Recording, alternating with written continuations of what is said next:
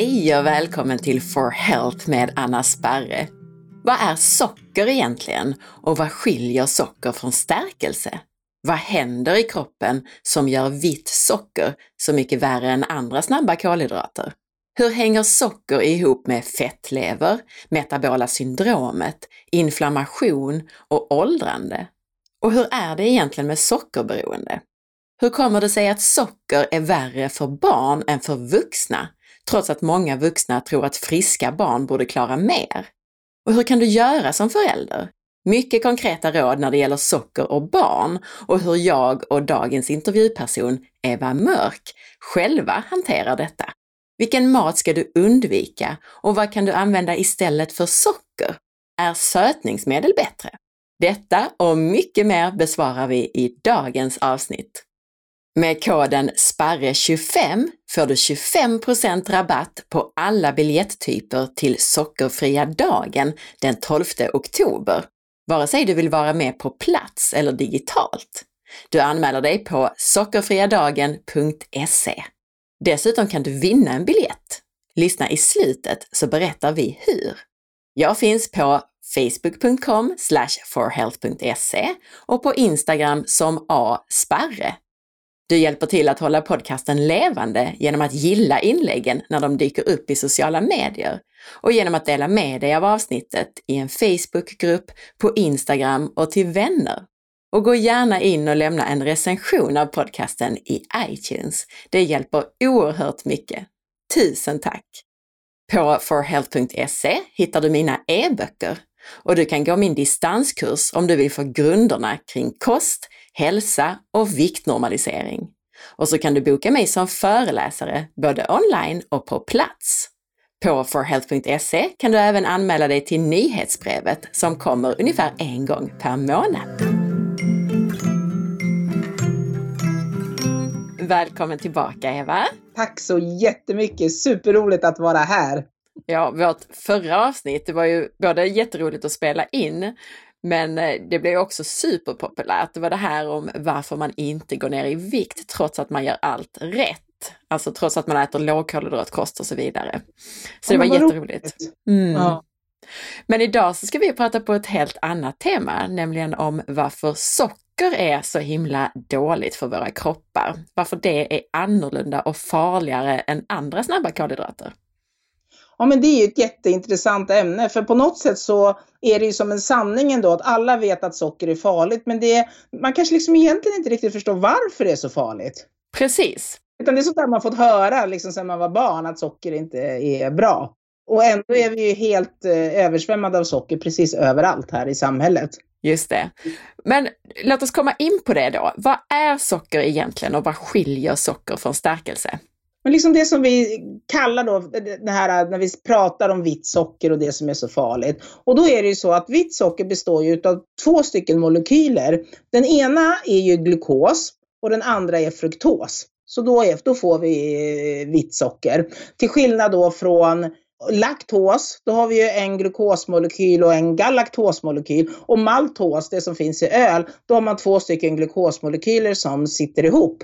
Så de här liksom, eh, molekylerna man kan säga, de, de innehåller ju glukos som den ena grejen och sen har de andra eh, molekyler på det andra. Men just socker, den innehåller ju då hälften glukos och hälften fruktos. Och alla celler i vår kropp är ju, vi är gjorda för att bränna glukos. Varenda cell, eh, våra hjärnor, eh, allting, liksom, vi är gjorda för att bränna glukos. Men fruktos, det som finns hälften då i, i, eh, i sockret, det är inte våra celler gjorda på samma sätt för att förbränna. Och därför så finns det ju bara ett organ egentligen som, som kan ta hand om den här fruktosen och det är vår lever. Och vår lever, och jag menar om du är en vuxen människa som väger 75 kilo, om man bortser från liksom fettmassan, så säg att du har 55 kilo liksom fettfri massa som bara kan bränna glukos. Men din lever som ska ta hand om all den här fruktosen om du äter mycket socker, din lever hos en vuxen människa väger väl ungefär 1,7 kilo ish. Och då har du ett organ som väger 1,7 kilo som ska ta hand om den mängden då fruktos som du får i dig. Och då har man ju sett att eh, fruktos då, eh, eh, för mycket fruktos kan då eh, omvandlas till fett. Och fruktos i sig kan då även eh, trigga fettinlagring i, i levern om man har ett väldigt stort kaloriöverskott överhuvudtaget. Så därför är eh, socker mycket, mycket farligare. Om du äter en smörgås eh, eh, som, som innehåller då bara långa kedjor av glukos, den här stärkelsen, då kan du faktiskt gå en lång promenad eller springa runt kvarteret och du har förbränt den. Men fruktosen är mycket, mycket svårare att göra av med. Mm. Vad bra att du tog upp det här med de här långa kedjorna nu, för att just det här med nu sa du som en, en smörgås då till exempel, men även då om vi tänker stärkelse från potatis, ris och så vidare. Ja. Det är de här långa kedjorna med glukos, det är inte fruktos i det. Och det var som du sa, fruktosen är det som är så jobbigt för våra kroppar för att levern måste ta hand om det. Ja, och vi ska vara rädda om vår, om vår lever. Och då kan man ju bara som en parallell säga att om du är ett litet barn, nu kan inte jag säga exakt vad en lever väger på ett barn, men man kan ju anta att eh, om barnet är 7, 8, 9, 10 år, då är det åtminstone hälften, då kanske deras lever väger 500 gram eller någonting sånt. Och ändå kan små barn få i sig väldigt, väldigt mycket fruktos då genom att kanske dricka en eller en liter läsk, det är inget svårt, en liter saft, det är inget svårt att få i sig.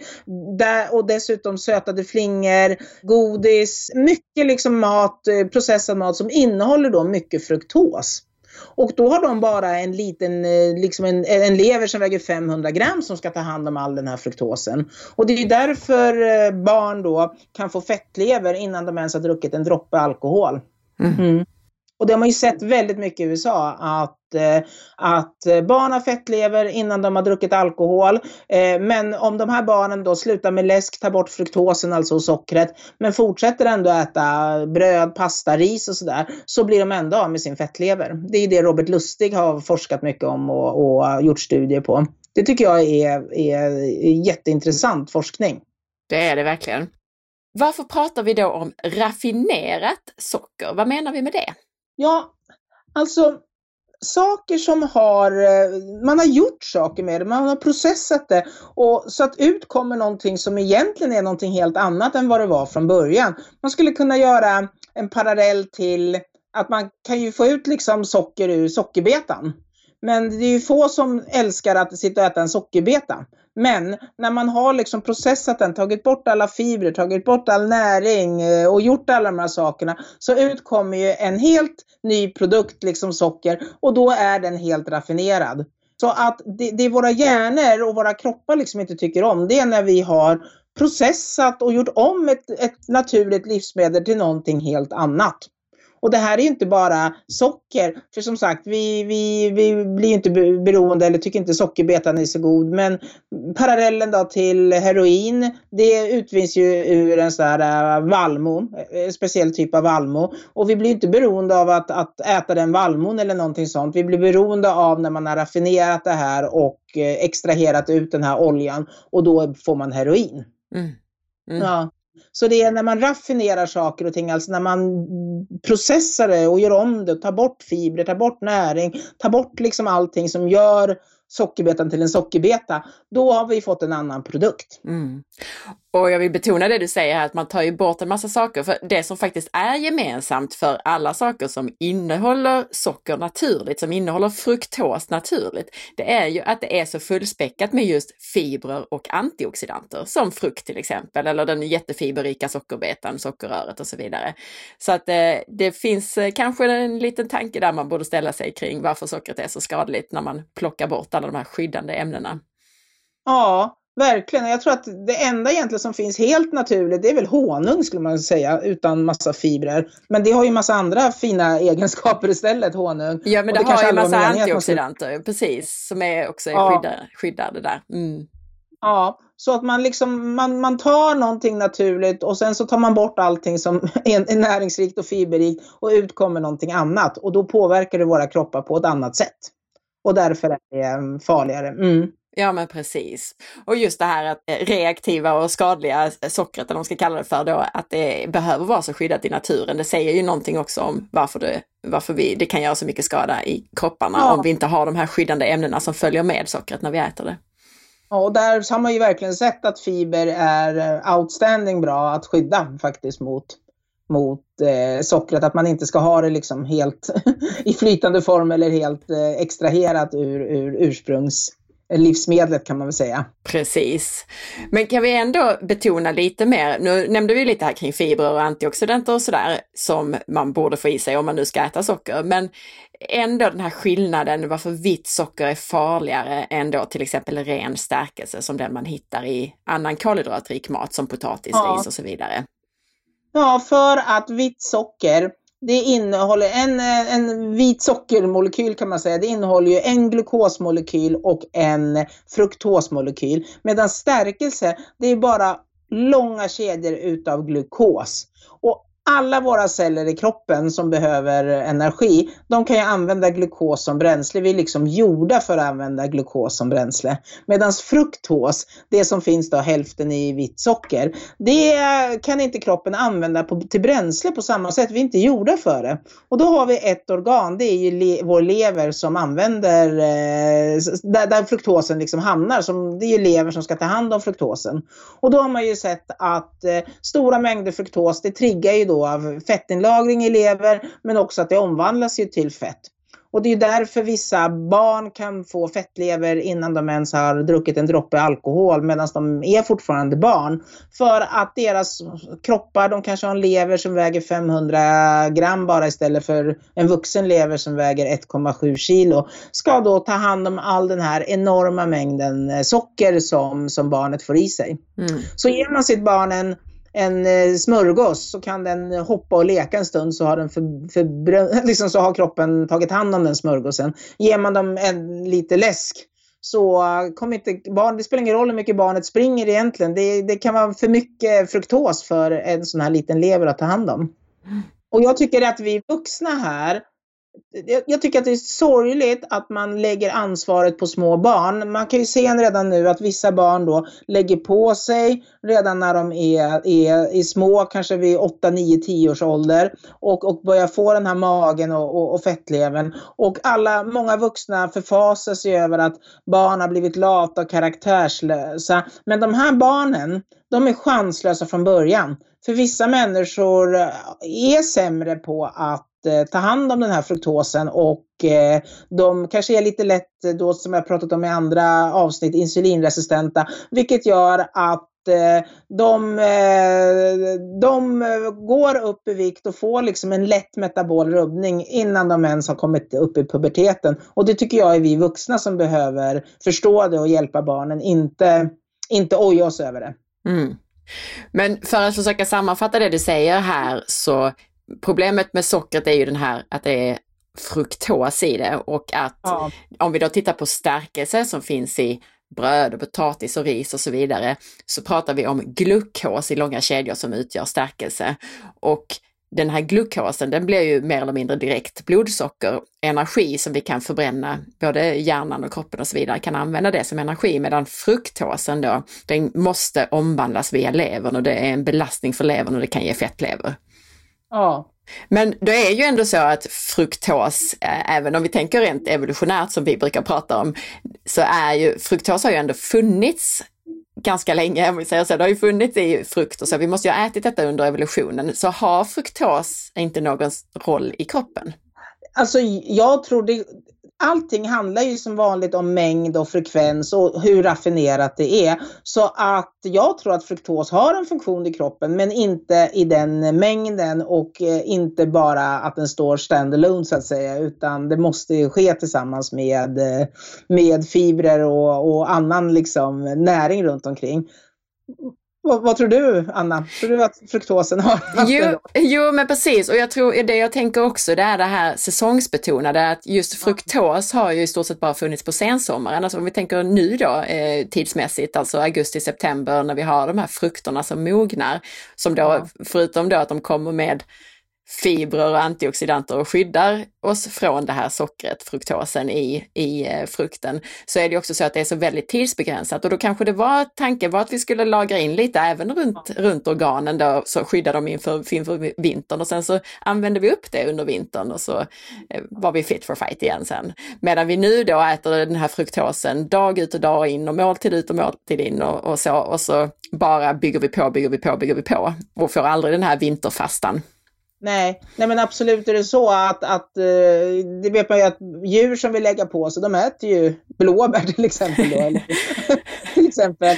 Eh, eller björnarna i alla fall. Nej men att det finns en naturligtvis eh, funktionen i att man, kroppen måste kunna lägga på sig fett. Mm. Jag menar våra celler behöver ju energi liksom varje sekund livet ut och förmågan att kunna lagra fett eller omvandla det vi äter till fett det är ju helt grundläggande för att vi överhuvudtaget ska kunna existera som människor.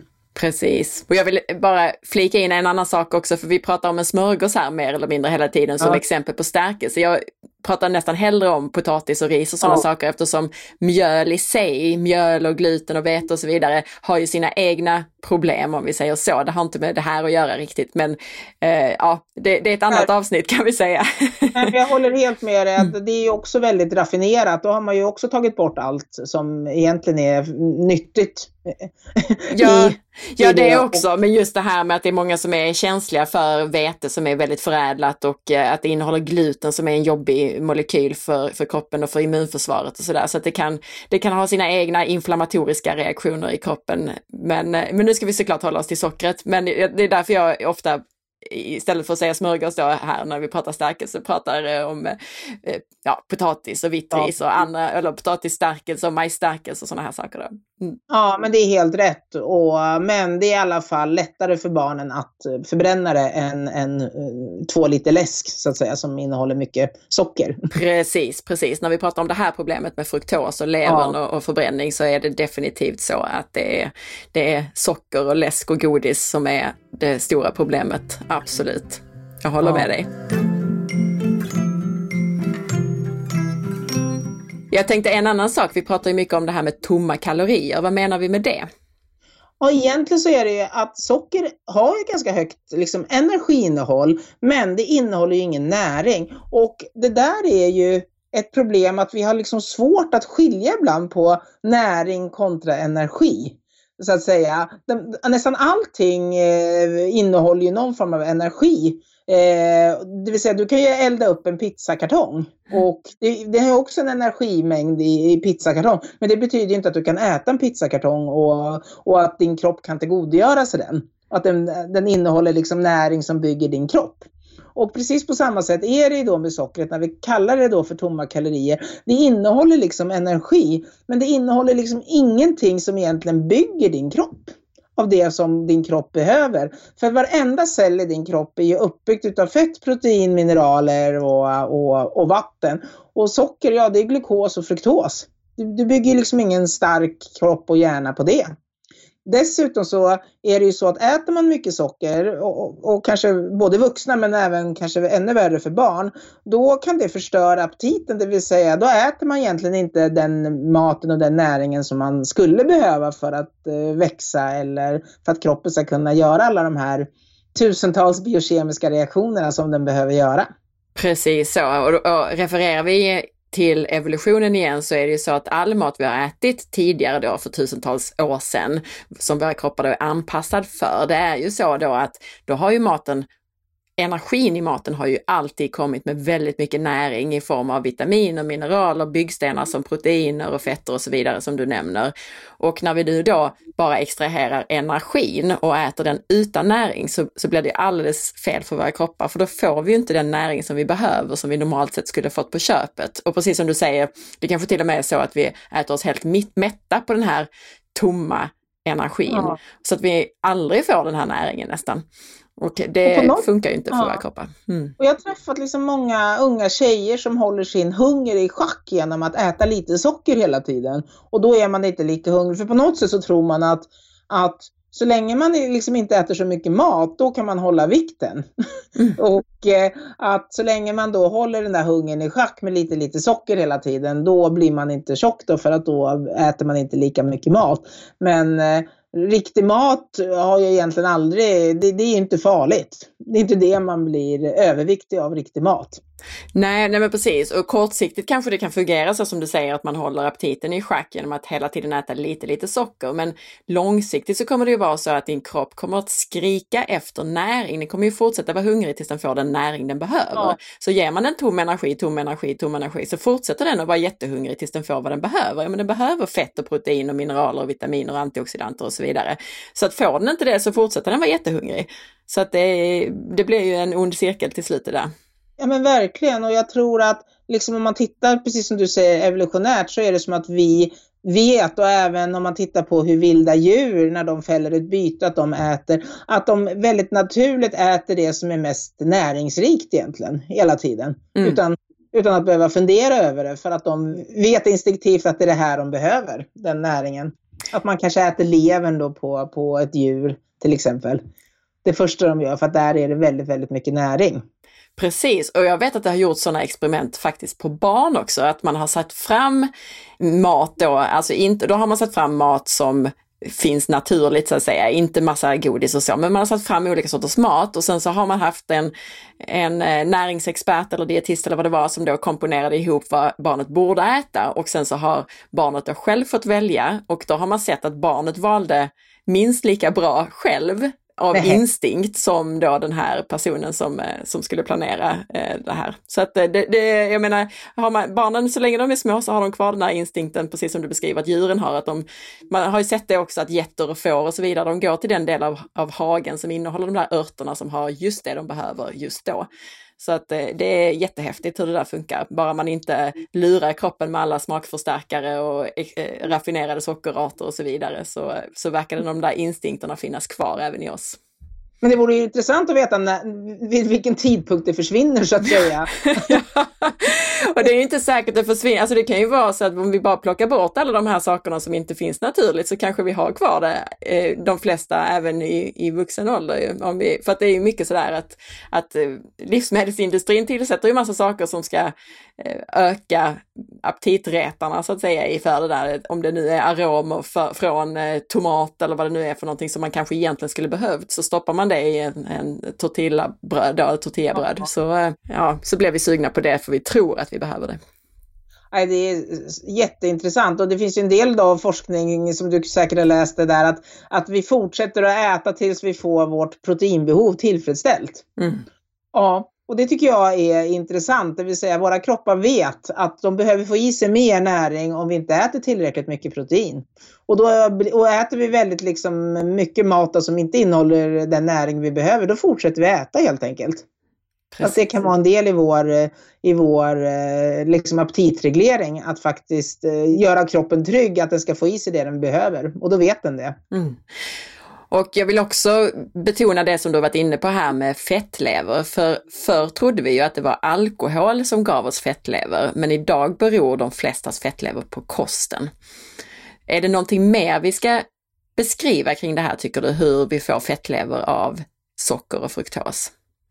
Nej, det har ju, naturligtvis så är det ju fruktos, men det man har sett också, det är ju en eh, överkonsumtion av, av energi så att säga. Så om du bara åt väldigt liksom eh, få kilokalorier så att säga eller eh, lite näring och energi, då triggar ju inte det fettlever på samma sätt som det blir den här överkonsumtionen, att man äter alldeles för mycket. Så det, det finns ju liksom någonting med, med att man inte får man, man, får inte få i sig för stort energiöverskott hela tiden. Det tillsammans då med, med fruktos har man ju sett, det är ju också väldigt, väldigt skadligt. Mm. Och håller vi oss då till riktig mat med mycket alltså, ja. grönsaker och fibrer och så vidare och hela rena råvaror så är det ju väldigt svårt att äta för mycket. Då kommer ju kroppen känna sig mätt på ett helt annat sätt. Så då ja. får vi inte det problemet heller. Nej, och, men man skulle kunna säga om du vet att du skulle vilja äta mycket socker en dag, då ska du se till att inte vräka i det den dagen liksom till max, utan då, då är det faktiskt bättre att man äter det, det sockret och inte äter speciellt mycket den dagen. Mm. Har man sett.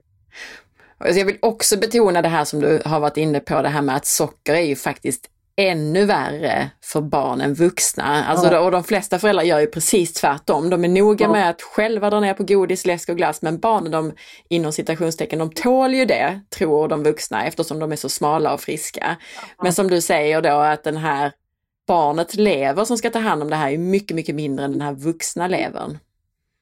Ja, och det är så sorgligt för att, det vet ju du själv, eller hur? Du som har barn på liksom barnkalas, att vissa barn de appellerar ju väldigt, väldigt mycket på socker. Mm. Alltså det är, det är det roligaste som händer på hela kalaset, det är ju godispåsen. Medan andra barn bryr sig inte så mycket. Men de barnen som har den här biokemiska liksom känsligheten för socker, som förmodligen har någon slags, kanske mer ursprungskropp eller något sånt, eller är, är, är känsligare, de är chanslösa nu för tiden. Så länge eh, allting är normaliserat med flingor, med läsken, med, med alla mellan mellanmål som serveras eh, när man står på alla sportevenemang och ska sälja grejer i kiosken. Då är det egentligen väldigt, väldigt mycket läsk och godis. Mm. Allting. Så att, hur ska de barnen överhuvudtaget, det handlar inte om deras karaktär, hur ska de barnen kunna liksom läka och eh, när, när de överöses av det här runt omkring dem? Precis. Ja. Nej, och det är just det här att man, ska, man borde skicka alla på ett barnkalas för att förstå det här, för det är precis så som du säger. alltså, när jag hämtar barn från barnkalas ibland så är det, och just det, vi fick ju en godispåse också, så i bilen kan de komma på liksom att eh, nu ska vi äta det, medan de har glömt det på barnkalaset, för det var så mycket annat, det var hopptorn och det var kompisar och så vidare. Medan då en del barn är liksom, de, de direkt bara sätter sig vid tårtan och glassen och godiset och eh, ja. det är bara det som gäller. Så det är jättestor skillnad, absolut.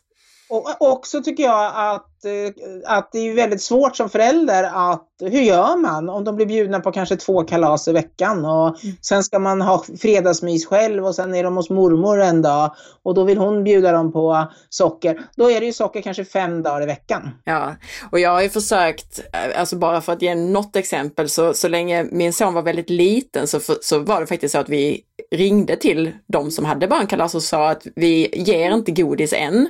Kan vi skicka med en annan godispåse med lite då torkad frukt och nötter ja. i och sådär. Och det var ju många som blev positiva till det. Så bara, oh ja men vår, vårt minsta barn ska inte heller få det då och så. Så det kan vi fixa. Och så, så det var en jätte, faktiskt en jättebra ja. kommunikation som vi hade där. Sen eh, var det ju så att när han blev äldre så han bara, nu vill jag ha riktigt godis. så han, ja ja, sa vi. Och så diskuterade vi hur många bitar vi då kunde prata om då i veckan eller på, på lördagar. Och sen på kalas och så, så jag menar, man kan inte göra barnet till utbörling hur länge som Nej. helst tyvärr, men, men nu kan jag ändå ha en dialog så att han förstår ju ändå varför vi pratar om att man ska äta lite mindre och sådär, att man kanske inte behöver ta tre glas läsk på, på kalaset och sådär. Vi pratar väldigt mycket om frisk mat hemma, alltså bara grönsaker och så vidare. Att ju mer man äter av den, desto mer tål man av det andra, lite grann sådär. Så att ja, det... är jättebra, för det här är ju ett problem och jag menar, jag får ju dagligen nästan mejl från föräldrar som undrar, hur gör man? Mm när allting och, och, alla tycker att man är jobbig bara äh, när man försöker säga någonting om att varför barnen ska äta så mycket socker. Mm. Att man är en sockerpolis och att man är tråkig och så farligt kan det ju inte vara. Och, och att det blir synd om barnen. Men jag vet att Ann Fernholm eh, berättade att hennes barn fick välja liksom lika många godisbitar från påsen som de var gamla. Precis. Så var tio år så fick de välja tio bitar. Och att det höll de på med i många, många år. Och att eh, liksom tio bitar var lagom för en tioåring. Liksom, sen hade de tydligen glömt att det fanns mer godis och att det var ganska lagom. Mm. Ja men det är en jättebra riktlinje och vi brukar också prata om det här med, alltså, med tanke på det du säger, det är ju många föräldrar som vill ha tips kring det här. Att ja. Vi brukar också prata om det här med tarmbakterier och så, vad de blir glada av och vad de blir ledsna av och att man har då dåliga och goda tarmbakterier i tarmen och att de, de som vi vill ha, de här goda som ska vinna, om de ska vinna så måste vi ge dem mycket grönsaker och vitaminer och så vidare. Och ger vi dem en massa socker och godis och så, så är det de, de eh, dumma som växer sig starka och det förstår ju de flesta barn just det här, den här eh, liknelsen. Ja. Så att där pratar vi mycket om också. Eh, och... Ja, men jag tror det är jättebra, för i, i slutändan så är det ju faktiskt ett föräldraansvar så länge man har små barn som är liksom ja, riktigt små barn upp till, till ända tills de blir vuxna egentligen, så är det ju ett ansvar man har. Mm. Och jag tycker också, många är så här, ja men hur ska vi förbjuda och ta bort och så vidare, men fokusera ännu mer på det som är bra. Alltså fokusera på vad är det man behöver äta mer av. Och, så att man inte bara fokuserar på att nej men socker är så farligt och detta är så farligt och detta är så dåligt. Utan det här är det som är bra. Det andra är inte bra, absolut, och det ska man också prata om. Men att man har ännu mer fokus på vad faktiskt man behöver äta och vad som är bra och som gör en frisk och stark och pigg och glad så att man kan leka mycket och spela fotboll mycket eller vad det nu är man tycker om att göra. Ja, och jag brukar säga som ett enda tips om man ska göra någonting så försök ta bort all läsk, liksom allting som man dricker. Eh, om det går då istället att, att dricka vatten eller liksom lite smaksatt vatten med frukt eller någonting sånt. För att, att dricka liksom socker, det, man kan ju få i sig stora mängder även när man är ett litet barn medan att just bara äta godis, då kanske man inte får i sig så mycket ändå. Jättebra tips, just det ja. här med att dricka energi. Återigen om vi kopplar till evolutionen, vi är ju inte gjorda för att dricka energi, utan vi är gjorda för att tugga allting som innehåller energi. Så ja. absolut, just det här med att dricka en massa, särskilt då läsk som innehåller socker, är, är förrädiskt. Man kan få i sig nästan hur mycket som helst. Ja. ja. Och är man törstig då kan man ju ett litet barn lugnt liksom få i sig eh, säkert en halv liter läsk liksom, eller ännu mer under en, under en kväll när man har såna mysgrejer. Så tar man bort läsken och allt sötat så, så brukar eh, sockerkonsumtionen verkligen gå ner för att så mycket orkar inte barn ändå äta när de måste tugga, tugga sakerna. Kronisk låggradig inflammation är ju involverad i de flesta av våra sjukdomar idag. Hjärtsjukdomar, ja. cancer, demens, autoimmunitet och så vidare. Vilken roll spelar socker för inflammation?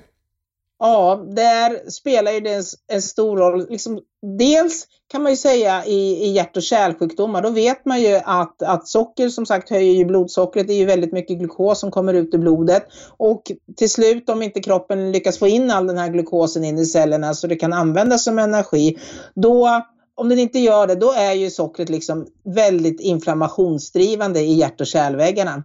Det är ju som att ta en flaskborste och rispa, rispa i dina hjärt och kärlväggar. Så, där, eh, så, så hjärt och kärlsjukdomar, det är ju som de säger, det är en metabol sjukdom, det är en inflammatorisk eh, sjukdom.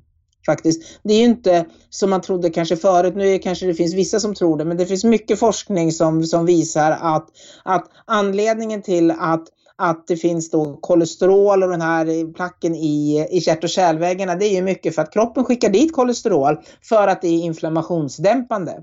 Och de minsta partiklarna som lätt oxiderar, de kan ju fastna då i de här, eh, i de här såren egentligen i hjärt och kärlväggarna. Och det är det som är början på en infarkt.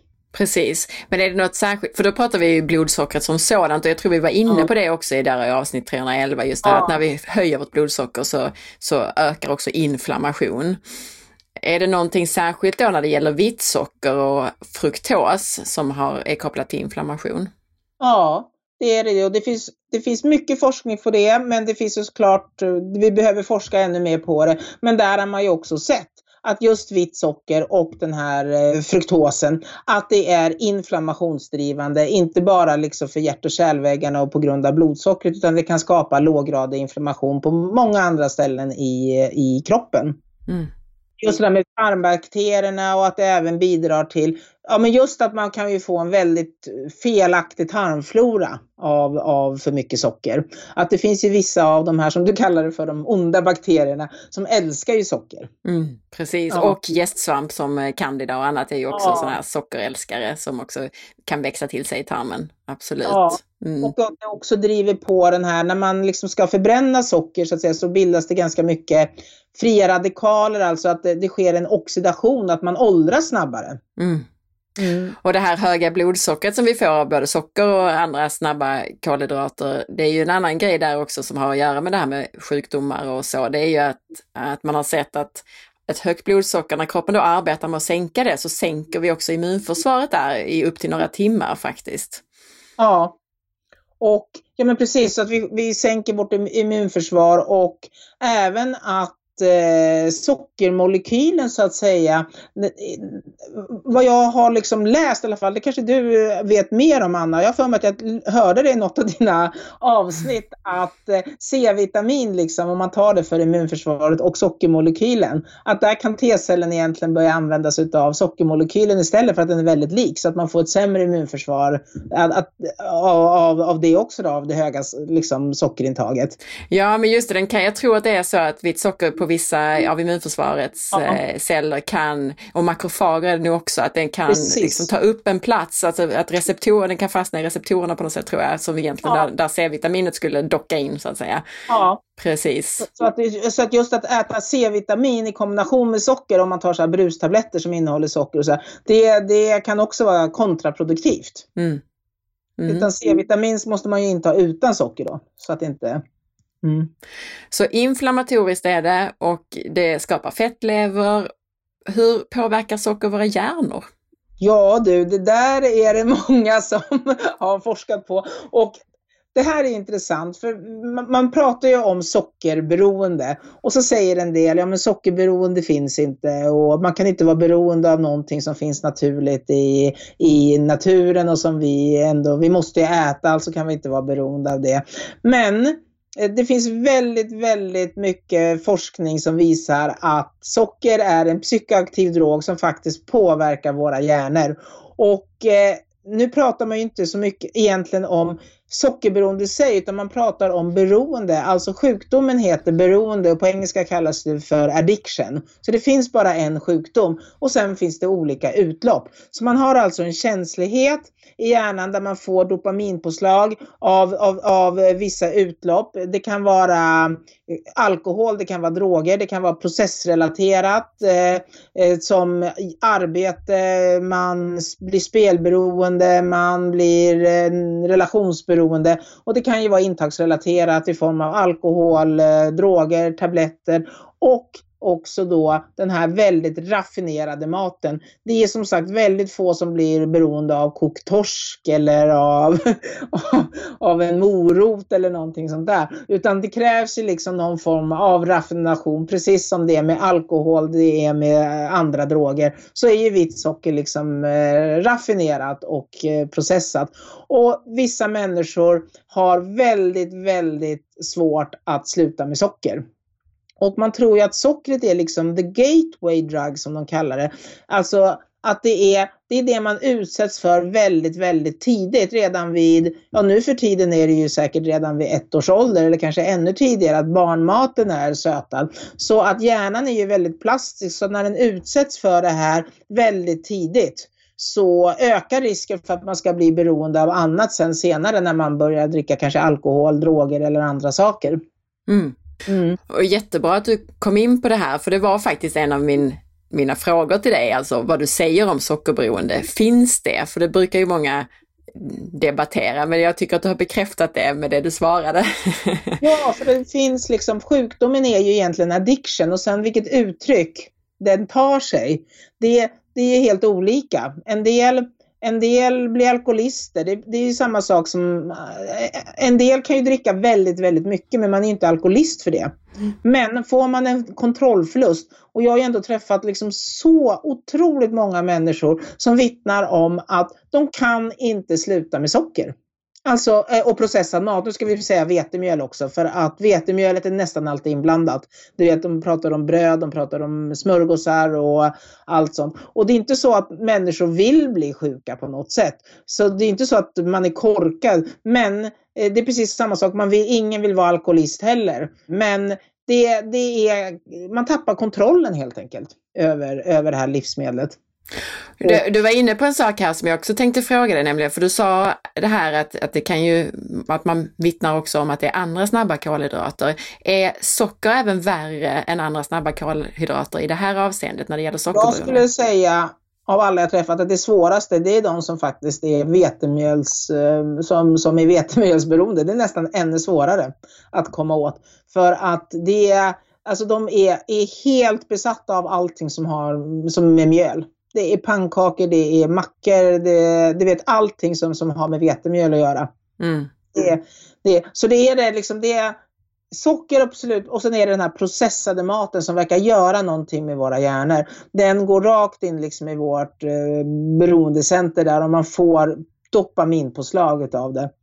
Och socker kan liksom också användas, jag säger socker, då menar jag egentligen socker och processad eh, kolhydrater som då vetemjöl till exempel. Att man kan nästan manipulera sitt mående av att man känner sig uppstressad och då kan man äta väldigt mycket bröd och då blir man lugn. Eller så behöver man tagga till lite, då äter man socker så blir man speedad. Mm, man får ett serotoninpåslag som gör en ja. lugn, när man får ett dopaminpåslag som gör en uppåt, precis. Ja. Eh, även om det är kortvarigt och inte sådär hållbart så är det precis så det fungerar, absolut. Mm. Och eh, det här är men så tror jag det är med allting. Det, det kanske, är man inte alkoholist så är det väldigt svårt att förstå varför slutar man inte bara dricka säger man eh, när det är bra. Och det här kallas ju lite för skammens sjukdom för att det är väldigt, det är väldigt skamfyllt att erkänna att jag har tappat kontrollen över mitt matintag. Eller jag har tappat kontrollen över mitt alkoholintag. Det vill man ju gärna inte erkänna. Och med socker och processad mat är det ännu svårare för det finns ju liksom precis överallt i samhället och är helt normaliserat. Mm. Och de värsta sakerna, du var inne på det här med att vetemjöl brukar vara det som är värst om det är där ens addiction huvudsakligen ligger så att säga. Just det här att det är ju ofta kombinerat, alltså om man tänker i en eh, kanelbulle så är det ju ja. det är snabba kolhydrater och det är den söta smaken från sockret och det, med vetemjölet då. Och sen är det också fett i den här kombinationen och ja. gärna också lite salt, alltså den här kombinationen av allting som faktiskt inte finns i naturen. Återigen tillbaka till evolutionen. Det är svårt att hitta sött och snabba kolhydrater tillsammans med fett i något enda livsmedel som finns naturligt. Ja. Och det gör ju vi, vi bara gojsar ihop allt det här till en enda röra så det blir så gott och så, så beroendeframkallande. Ja, och våra hjärnor, till och med de som inte har beroendepersonligheten har ju, äter ju liksom av det fast det inte är bra för dem heller. Nej, men Även precis. om man kanske inte överdriver intaget. Precis, och det är ju lite sådär, det är ju lätt att få i sig så fort man, om man redan är mätt, men så fort man stoppar i lite sött då, lite socker i någonting så går det ju oftast att få ner det fast man egentligen var mätt från början. Ja, det är, det är verkligen inga problem och det är väl därför också att, jag menar socker, det är ju en fin smakförstärkare. Mm. Så att allting, det är därför all den här processade maten, att det innehåller liksom en blandning som du säger, att man tillsätter ju socker för att det smakar bättre. Och är det någonting som eh, livsmedelsindustrin vet, det är att vi köper det vi tycker är gott. Och sockrar man då saker och ting så, så köper vi det mer naturligtvis. Och jag vill uppmana alla att läsa innehållsförteckningen, alltså läs det på korvar och charkprodukter och så vidare så ska ni se att det finns alltid lite socker, druvsocker eller vad det nu står, någonting sött för att det blir lite godare då. Även i sånt som man tycker, men det är kött. Nej, det är... Nej. Om ni köper fryst kycklingfilé då innehåller det en 12 sockerlösning som de har liksom sprutat in i den där stackars kycklingfilén. Jag fattar inte riktigt varför, men det kanske är för att den inte ska för att den ska bli stor och bullig eller någonting. Eller, ja. ja, saltlösning brukar det vara. Ibland är det socker, den har jag sett också. Ja, precis. Ja. Mm. Och, så det är svårt. Sen beroende på hur känslig man är så uh, kan man ju uh, kanske släppa igenom lite socker ibland uh, i, i viss typ av mat. Men om man liksom inte passar sig så finns det ju väldigt, väldigt mycket socker i, i mat som man absolut inte tror att det är så mycket socker i. Mm. Och jag tycker också, om man känner igen sig i det här med att man triggar väldigt mycket på sånt som är sött eller innehåller mycket snabba kolhydrater. Vi har gjort väldigt många podcastavsnitt på temat sockerberoende eh, och eh, alltså som inkluderar mer än bara sockret, alltså kolhydratberoende kan man kalla det i vissa fall också. Men, eller beroende av tom energi. Men vi har avsnitt 18, 73, 95, 124 och 125. Det är några av dem som jag vet och just det här som du var inne på, hur det påverkar hjärnan, det pratar vi med Bitten Jonsson om ja. i avsnitt 124 och 125. Så då kan jag rekommendera att man lyssnar där. Ja, och ta hjälp, det skulle jag verkligen säga, för det här är så man kämpar och kämpar ensam och tänker nu ska jag sluta, nu börjar jag någon ny diet och sådär. Och sen är man tillbaka, för det här styrs inte av motivation, det här är liksom andra krafter som är i rörelse. Så man behöver hjälp och gemenskap med andra. Så nu var vi inne på hjärnorna och sockerberoende. Men vi har ju också gjort ett väldigt populärt avsnitt med Cecilia Fürst i avsnitt 309 om biologiskt åldrande. Hur påverkar socker vårt åldrande? ja, tyvärr så, eh, så påverkar socker vårt åldrande negativt faktiskt.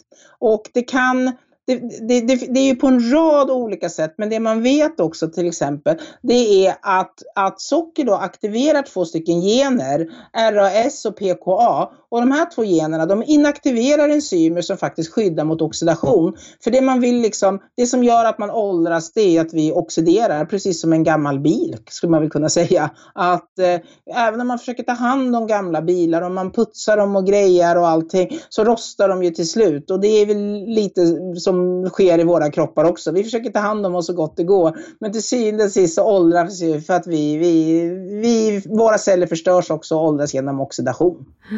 Precis, och just det här raffinerade vita sockret som vi pratar ja. om, det oxiderar ju kroppen väldigt mycket. Precis. Ja. Och så finns det en rad andra saker också som man har sett att, eh, som gör att eh, man åldras av, av, eh, av sockret. Men finns det någonting positivt med socker? Ja men alltså socker är ju en, man kan ju bli liksom pigg av det.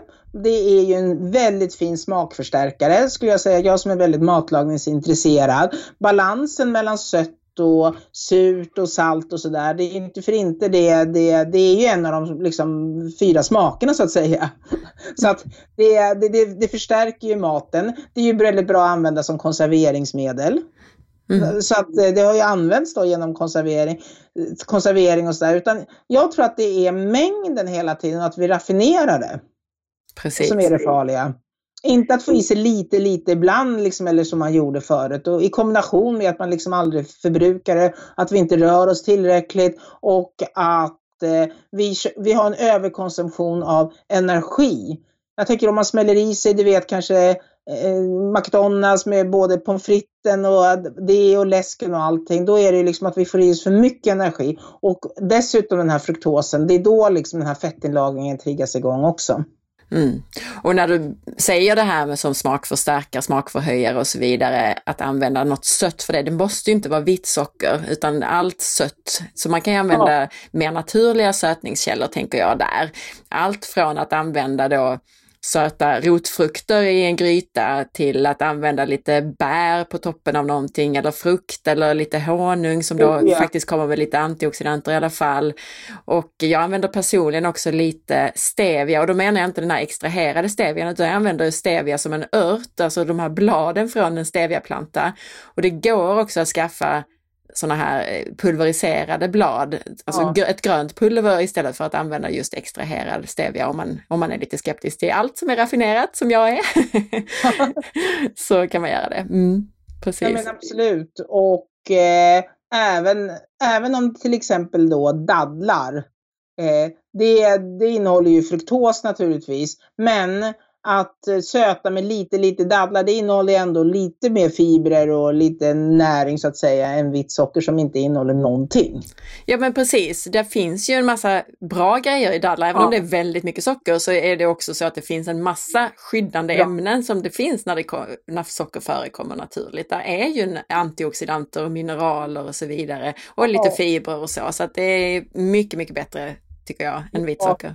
Och även liksom lite ananas och mango ibland. Man behöver inte vara helt, men då kan man ju också få liksom lite mer sötma. Men ofta tycker jag, tycker inte du också det när man lagar mat, det är inte mycket man behöver för att få den här fina smakförhöjaren. Nej, nej men precis, precis. Alltså en, en, en, liten nypa av någonting som är väldigt sött eller att man har i lite rotfrukter eller alltså någon rödbeta eller vad som helst. Ja. Alltså, bara det kan ju göra skillnaden. Och själv använder jag också ganska mycket äppelcidervinäger i matlagning ja. faktiskt. För att den, där får man ju syra från den men det är också lite sött från de här äpplena. Så att det tycker jag är en utmärkt smakförhöjare, äppelcidervinäger. Så det använder jag mycket. Det gör jag med och sen brukar jag faktiskt karamellisera lök ibland genom att steka den i smör på väldigt svag värme under lång tid. Då, då blir ju löken söt. Precis, den bryts ner, den förändras ju och bryts ner där. Den, den, ja. de kolhydratmolekylerna förändras så att det blir sött. Precis. Men det kan man bara uppleva när man har slutat med socker. För att eh, när jag åt väldigt mycket liksom socker, då var mina jag vet inte om du också har upplevt det, men det var mina smaklökar så avtrubbad så jag behövde ha väldigt sött för att uppleva det som sött. Sen när jag slutade med det, då kunde jag liksom karamellisera lite lök och tycka att det var sött. Men precis så är det ju. Ja men precis så är det Jag vet att jag, när jag var yngre, att när folk pratade om att, att frukt var godis så tänkte jag, men herregud, hur kan man säga någonting sånt? Det smakar inte alls eh, sött och gott på det sättet. Medan nu tycker jag att frukt är supersött. Och samma sak också, jag hade en favoritglass som var någon sån här ljus choklad någonting och sen så försökte jag tänkte jag så här, men nu ska jag, jag måste prova den nu, för jag är, det var så länge sedan jag åt den. Och sen så åt jag den och så var det en sån besvikelse för det smakade bara, bara sött, alldeles för ja. sött. Medan jag då förr när jag var van vid den här söta smaken tyckte att det var det godaste som fanns. Ja, så att det är, precis. Så det handlar om att faktiskt få till, återta sina smaklökar mm. och kunna uppleva riktiga smaker, liksom de här naturliga smakerna. Och det kan vi göra, men det är som att man blir helt avtrubbad när allting liksom är jättesött eller smakförstärkare på andra sätt. Då känner man ingenting helt plötsligt. Precis, och det jag tycker, upplever det också så med andra smaker, inte bara det söta, att, nu, att det söta smakar mer sött nu när jag inte är så van vid att äta mycket socker och sött. Men också att andra smaker kommer fram ja. till sin fulla rätt på ett helt annat sätt när jag nu inte är så avtrubbad av sockret. Nej, jag, jag, håller helt med. Och liksom de här fina som, när jag jobbar mycket med kanel, kardemumma, du vet väldigt fina kryddor och smaker i, i eh, mina recept. Och det blir också jättefina smakförstärkare till, till till exempel om jag ugnsbakar en bit pumpa så kan jag smaksätta med lite, lite kanel. Då blir det väldigt, väldigt gott och det skulle jag inte märkt förut om jag om jag var åt väldigt mycket processad mat. Men nu känner man det verkligen hur, hur det förhöjer det. Nu var vi ju också inne här på andra sätt att söta på än socker som är nyttigare. Och då tänker jag en sak som vi borde ta upp där också, det är ju vad vi säger om sötningsmedel. Ja, det där, jag tycker det är en svår fråga, för det beror ju lite på vad man har för problematik. Om man verkligen har problem med blodsockret, är diabetiker men ändå någon gång vill äta någonting, då skulle jag säga, ja men använd lite stevia, helst det liksom bladen då alltså, som är pulveriserat, men om du inte får tag i det, att, att använd, söta det lite lite för att det är farligare skulle jag säga att äta mycket socker och driva upp sitt blodsocker om man är diabetiker eller prediabetiker. Men Samtidigt så vet man ju också att sötningsmedel påverkar ju tarmfloran negativt. Så har man problem med magen, då är, det är ju inte en långsiktig lösning att, äta, att ersätta allt socker med stora mängder sötningsmedel. Det är ju hela tiden på det söta ändå. Då blir man liksom inte fri från den här sockersuget heller. Precis, här är några parametrar. Det ena är ju som du säger precis det att hjärnan kommer ju reagera oavsett om det kommer med energi eller inte. Ja. Och eh, hos vissa är det ju till och med så att, att kroppen, så fort den får något sött på tungan så reagerar kroppen med att börja utsöndra mm. insulin till och med och sänka ja. blodsockret. Så många blir väldigt låga dessutom av att äta fejksötad ja. mat för att eh, blodsockret sjunker och insulinet utsöndras ändå, även om det inte kom något socker. Så det är en sak och det här med hjärnans reaktion. Och sen är det ju då sötningsmedel. Nu nämnde du stevia som jag ändå får säga är ett ganska okej okay sötningsmedel. Jag tror det faktiskt, även om det är raffinerat, att ja. det är mycket bättre än många andra saker. Men om vi då pratar aspartam till exempel och acesulfam K, ja. alltså där har vi ju där finns ju så mycket inrapporterade biverkningar och, och problem så att det skulle, det skulle jag definitivt starkt avråda från ja. så mycket man kan. Jag med. Och en är det där och det finns ju väldigt mycket läsk. Så om man liksom tar bort all läsk och liksom all lightläsk och sådär, då, då har man ju ändå tagit bort mycket av det som man får i sig, liksom mycket av de här sötningsmedlen. Om man sen då, precis som du säger, tar en droppe stevia ibland om man vill göra någonting eh, och, och, och det här, då, då tror jag ändå att det är bättre än att fortsätta äta stora mängder socker. Precis, och jag ska faktiskt säga att jag har gjort ett helt avsnitt, ett kort avsnitt, men ett helt avsnitt om just sötningsmedel och naturliga sätt att söta på och så vidare. Jag kommer inte ihåg vilket avsnitt det är, men det, om man går till forhealth.se podcastregister mm. och söker på den sidan efter sötningsmedel och så vidare så hittar man avsnitt om detta. Eller ja. söta naturligt kan man också söta, äh, söka på. Mm. Men sen har jag märkt också att man behöver inte söta saker så himla mycket längre. Eftersom om man vänjer sig av med det där. Jag vet inte, jag pratade med Ann igen då, Ann Fernholm, och hon sa att hon har ju börjat baka med verkligen hälften av allting, all sötning som det stod i alla recept. Och det var ingen som märkte någon skillnad. Nej. Så att liksom, nu bakar inte jag så mycket sådär längre, men jag tycker ändå, eller visst är det intressant liksom att man kanske inte behöver, hon sa när det står en deciliter socker då tar jag kanske bara tre matskedar, men det blev tydligen bra ändå tyckte hon. Mm. Det låter som min mamma, hon gör också så, fast hon gör till och med så med alla de här nyttiga recepten. När det ska vara 20 dadlar så tar hon 10-12 istället och tycker definitivt att det räcker. Så att ja. det, man ska ifrågasätta all sötning tycker jag. Mm. Ja, mängden utav det och som sagt när man väl vänjer sig av med det så, så upplever man söta smaker på ett helt annat sätt som gör att man inte har samma behov utav det. Precis. Om vi nu kommer in på vad man ska undvika då, alltså var finns fruktosen? Vilka livsmedel ska vi undvika?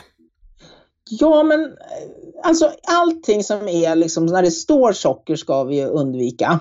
Men sen döljer det sig såklart i eh, massa andra saker också i innehållsförteckningarna. Och då finns det någonting som kallas då för High Corn Fructose Syrup. Och det, det är alltså att man utvinner fruktos ur majs stärkelse och då utvinner man ju ren fruktos. Och efter det vi har pratat om nu så förstår ni att ren fruktos det är liksom inte bra att, att, att dricka stora mängder utav. Och i USA så har det blivit jättestort för att det är mycket, mycket billigare. Det är billigt alltså att, att extrahera ut eh, fruktos då, ur majsstärkelse. Och då har man börjat med att söta läsken med det. I Sverige, eller i Europa är det förbjudet, så där är läsken sötad med, med socker i så fall. Men i USA är den inte det. Och det är ju ren fruktos och det där har man ju sett jag som följer Robert Lustig då, som har forskat mycket på det där, de har ju sett att sen de började använda mer utav den här eh, majsfruktos, liksom den extraheringen, high corn fruktos här, då har ju fettman skjutit i höjden. Mm. Och framförallt då hos ungdomar. Så det ska ni verkligen akta er för det finns också i annan processad mat. Det här, även om det är förbjudet liksom att söta just läsken med det.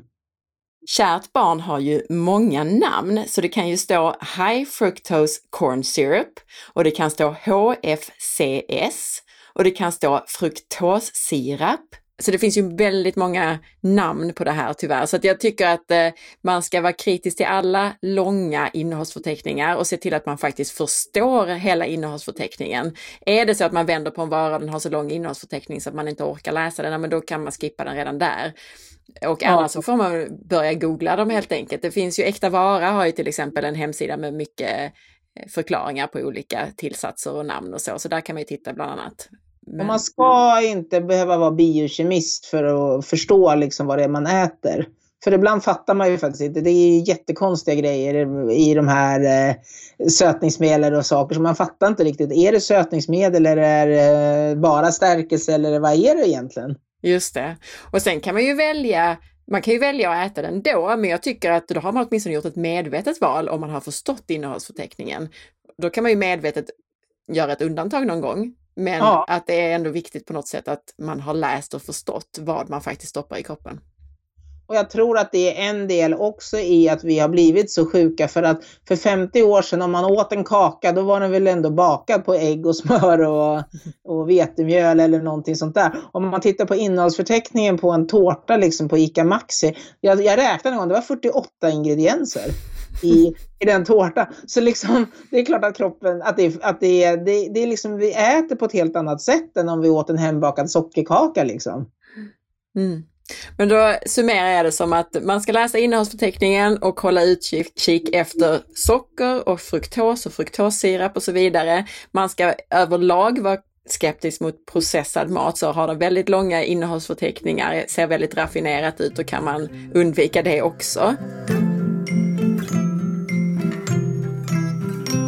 Men om vi då kommer till frukt, alltså många sorters frukt som äpple och päron är ju rikt på just fruktos.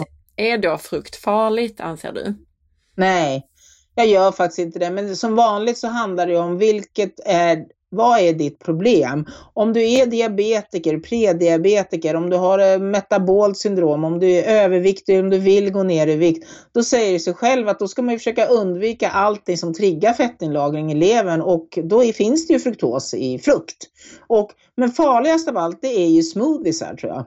Alltså fruktsmoothisar, att man på något sätt igen då tar bort, eh, man tar bort fibrerna, man tar bort liksom allt det där som, som skyddar och sen så klämmer man i sig egentligen 10 apelsiners fruktjuice istället för att äta en apelsin. Så jag tycker, ska man äta frukt så ska man verkligen äta den i sin rena form. Håll inte på att pressa ur allt och ta bort fibrerna och tro inte att liksom en fruktsmoothie är nyttig för den är inte det. Du kan få i dig samma vitaminer ändå på andra sätt. Drick den för att du tycker att det är gott någon gång om du verkligen är sugen på det. Men inte så här i stora mängder för att du tror att, att det är nyttigt. Vilket bra sagt tycker jag. Ja. Och jag tycker att om man inte har gjort det så kan man ju prova att pressa sin egen juice någon gång. Till exempel då från apelsin och säga att det kräver ju åtta apelsiner eller någonting för att få ihop ett glas. Så att just det här med att äta en apelsin eller ett äpple eller ett päron, det är ju helt okej. Okay. Men just det här när man börjar pressa det så kan man ju få i, och då kan man ju dricka hur många sådana glas som helst också. Det är ju lite som det vi var inne på, just det här med att dricka energi, dricka socker. Att det är en helt annan sak. Även om nu färskpressad juice är bättre än läsk så är, pratar ja. vi ändå om en stor skillnad mellan den hela frukten och juicen.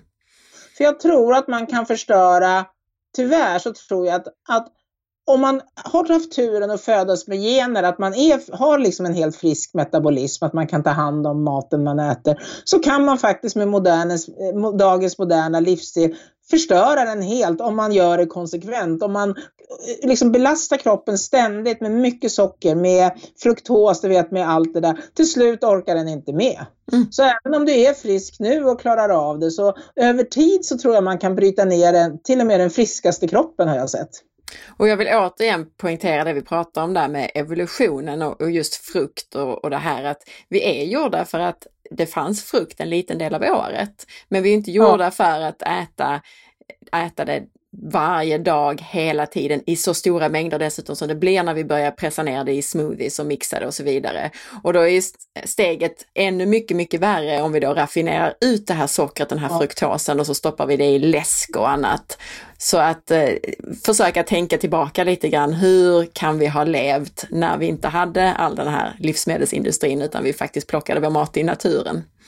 Och tänka lite tycker jag. Jag gillar hela tiden där att äta efter säsong. Jag fattade inte det när jag var yngre men nu, nu har jag verkligen, du vet, för tio, då trillar ju proletten ner. Liksom, när det finns svenska äpplen då äter man lite svenska äpplen. Och när det är säsong för lite hallon då äter man lite hallon. Men man äter liksom inte all frukt året om. Och är det rabarbertider då kan man äta lite rabarber då eh, eller någonting sånt. Men, eh, men att alltid äta de här exotiska frukterna det är inte bra för miljön heller liksom att hålla på att äta massa frukt som har importerats från andra sidan jordklotet.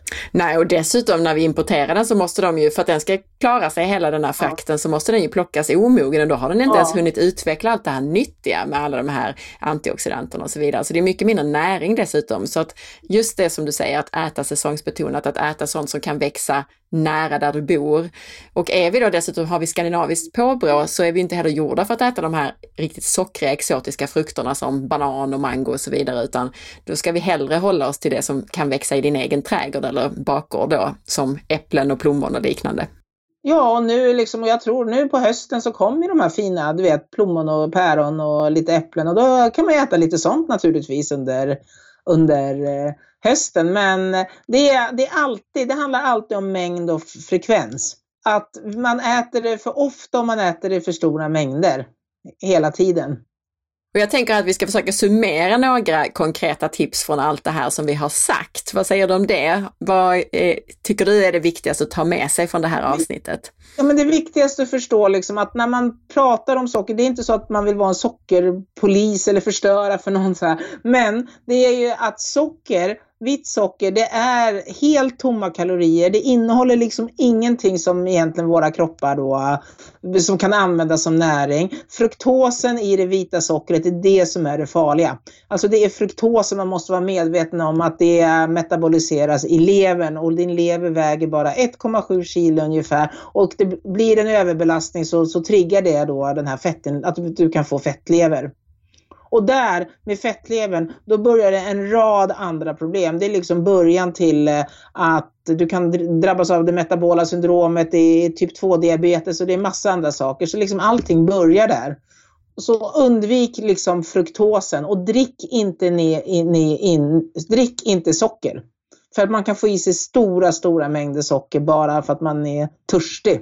Faktiskt. Och speciellt på sommaren. Liksom man skulle lugnt kunna dricka kanske en liter saft om man var jättetörstig eller en liter eh, ja, apelsinjuice eller, eh, eller någonting sånt. Så drick ingenting. Tar du bort liksom allting som, eh, som när socker finns i, i, i vätska så tar du bort också väldigt mycket av, av fruktosen. Ät inte mat med innehållsförteckning. Liksom, titta igenom allt det där. Det finns socker i nästan allting. Och ät gärna en frukt då och då efter säsong men tro inte att frukt är jätte, jättenyttigt att man behöver äta det i stora mängder. Och vill du söta, söta kanske hellre med lite honung, lite dadlar eh, och eh, lite stevia i så fall. Men välj dina, dina gånger du ska göra det. Och var medveten. För att jag tror att vi konsumenter, vi har mycket, mycket större makt än vad vi faktiskt tror. För det vi vill ha, det kommer vi få till slut. Och vi ska fundera över att alla, alla vill ha våra pengar. Så vem vill vi ska få våra pengar egentligen? Eh, jag som drack så otroligt mycket Cola Light i min ungdom, jag känner att Coca-Cola ska inte få mina surt förvärvade pengar. Utan vi kan, liksom, vi kan styra det om vi tillsammans säger att vi vill inte ha den här söta processade maten. Vi vill, vi vill eh, ha riktig mat som inte är så processad. Vi vill ha närproducerad mat och så lägger vi våra pengar på det. Då kommer vi få det. För jag ser en enorm skillnad nu mot för 20 år sedan när jag kom in i, i den här världen och fick upp ögonen för. Det fanns nästan ingen ingenting. Nu finns det alternativ och jag vill verkligen stödja de bolagen som försöker göra liksom mer icke-processad mat och naturlig mat. Mycket bra. Precis som du säger, jag älskar det här uttrycket you vote with your dollars, eller då med dina kronor, att man röstar med sina kronor. Det är precis så, det vi köper det, det kommer att tillverkas av företagen. Företagen mö ja. möter efterfrågan, så det är precis så det fungerar. Och vi kan göra det tillsammans. Vi kan mm. göra det tillsammans. För till skillnad mot den yttre miljön, när vi ska rädda liksom, eh, pl planeten, då behöver vi ha politikerna med oss, för de behöver stifta lag, lagar, regler mot industrin och allt sånt där för att vi ska liksom, få ordning på vår miljö. Men om vi pratar om vår inre miljö, som är lika viktig, vi kan ju inte kämpa för vår yttre miljö och samtidigt förgifta oss själva. Då behöver vi inga politiker som lagstiftar. Vi kan bara bestämma nu att vi lägger inte pengar, vi köper inte där utan tillsammans så köper vi mat som gör gott för oss. En sak som jag tänkte på också när du sa det här med att eh, ät frukt naturligt lite då och då men inte hela tiden och tänka att det är supernyttigt. Jag träffar väldigt många föräldrar faktiskt som, som tänker att eh, men hur ska mina barn få i sig vitamin om jag inte ger dem en massa frukt? Ja. Och, och det, där tycker jag också är viktigt att betona att det blir ju väldigt mycket socker för ett barn att stoppa i sig tre bananer eller något annat då. Eh, det är också mycket socker, även ja. om det såklart är bättre och ger lite vitamin och mineraler jämfört med då godis och liknande. Men att man då kan ta en diskussion med barnet om äh, vilka grönsaker den gillar. För det finns ju ingenting i frukt som inte finns i grönsaker, bara det att frukten kommer med en massa mer socker.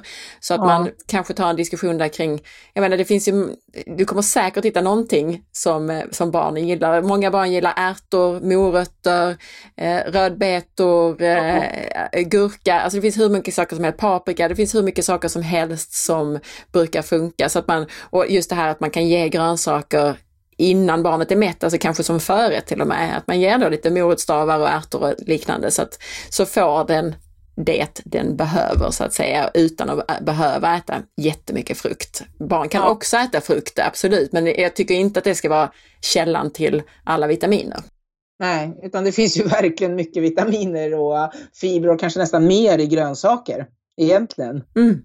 Och i, när vi nu summerar, jag vill också komma tillbaka till det här som jag har tjatat om här i avsnittet, just det här med att tänka evolutionen, att komma ihåg att våra kroppar fungerar likadant som på stenåldern och att äta socker där det finns naturligt och tänka lite på det här, både när det gäller frukt då, att ja, men frukt har funnits naturligt men inte hela tiden året om. Mm. Och försöka tänka i de banorna. Så att är man tveksam så kan man tänka, men hur hade, det, hade jag gjort om det var stenålder nu? ja men lite så tror jag faktiskt att det är, men vi tror att, att det har skett så mycket, men kropparna är ju likadana fortfarande. Och det är därför vi appellerar till det här också för att våra kroppar, liksom vissa kroppar är mer gjorda också för att de vill lagra fett helt enkelt. Mm. Det är evolutionärt. Mm. Och en annan sak som vi också har pratat om som jag också vill ha med i vår summering, det är det här att sötsuget blir mindre ju mindre vi äter av det. Så att man får sitta på händerna i två veckor för att bli av med det där sötsuget. Men sen så kommer, eh, kommer det bli bättre. Man, man, det är ju som du och jag har pratat om här, att vi har ju helt annat förhållande till sött nu än vad vi hade när vi var små. Så det går och även, var du också en godisråtta förr i tiden, Anna? Alltså jag skulle inte säga att jag var en typisk godisråtta. Jag, jag, jag har nog inte riktigt de generna som vi sa, de här skillnaderna mellan barnen, men däremot så absolut, jag menar jag kunde ju trycka i mig hur mycket som helst eh, så att jag och hade, och åt så pass mycket snabba kolhydrater att just det här, det söta smakade inte så sött som det gör idag. Nej, och det går för att det är ju liksom, vi har ju, det är ju när våra hjärnceller kopplas ihop som liksom, det händer saker. Vi, man blir inte intelligent bara för att man har jättemycket hjärnceller. Och just den här kopplingen mellan till exempel sitta framför Netflix och äta Polly. Du vet, det är en sån väl, eller att man ska måste fika, man måste äta godis om man går på bio. Det är en väldigt stark koppling och det man måste göra det är att man måste liksom bryta den kopplingen. Så måste man göra en ny koppling, att man inte äter när man tittar på Netflix eller man äter en morot. Och det tar tid, mm. så att säga. Men om man aldrig bryter den där kopplingen, då är det som att man kör upp, då är det som att man liksom hela tiden trampar på samma motorväg och eh, då får den aldrig en chans att läka. Mycket bra. Det är också en sån här grej nu, vi pratar ju mycket om barn och föräldrar här. Jag har faktiskt gjort ett avsnitt om det. Jag vet inte om det är med i det som är avsnitt 18, men det är något av de där ganska tidiga avsnitten. Just det här med hur vi som föräldrar behöver tänka kring det, för det är ju, det är ju vi som lär barnen just de där kopplingarna. Att blir barnet ledsen så får den en, en kaka eller ska vi fira så får den en tårta och är den sjuk så får den glass. Att vi, gör, vi skapar de här kopplingarna. Ja. Och vi, det vi vill det är ju att barnet ska äta för att den är hungrig och ja. inte för att det finns en sån där koppling i hjärnan.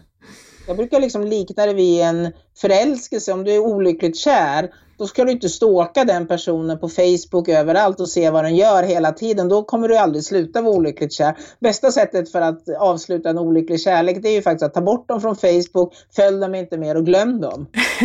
det är ska med sockret. glöm det. Ska du göra någonting nytt, liksom, bli kär i någon annan, då bleknar det ju ganska snabbt. och det är precis samma sak med sockret. Liksom. Du måste stäng bort det och då kommer det blekna och sen kommer du tänka, men gud, varför var jag så kär i honom för? Liksom. Det, vad såg jag hos honom? Men det är ungefär som man tänker med socker nu. Varför tyckte jag att det viktigaste i mitt liv var att sitta och äta Polly varje kväll framför TVn liksom? nu kan jag inte ens förstå det. Eller varför tyckte jag att Cola Light var det viktigaste näringsämnet i mitt liv? Mm. jag gjorde. Nu, jag kan liksom inte förstå det ens. Precis, och då handlar det ju både om att ersätta, ska vi säga, det med annan mat, så att man, man tar bort ur sitt liv och äter annan mat, men det handlar också om att ersätta de där pollykvällarna med kanske en helt annan aktivitet. Alltså du kan spela ett spel med din sambo eller du går ut och går eller du är och dansar någonstans eller gör någonting helt annat. Man får jättemycket tid över när man slutar sitta och äta framför tvn på kvällarna. ja, man tänker gud vad det tog mycket tid allt det här ätandet, för det gjorde det. Så att man får mycket mycket mer tid. Och nu, det är ju säkert 20 år sedan jag åt någonting samtidigt som jag tittade på TV eller gjorde någonting. Jag kan inte ens göra den kopplingen längre att jag måste äta någonting för att jag ska titta på en film. Mm.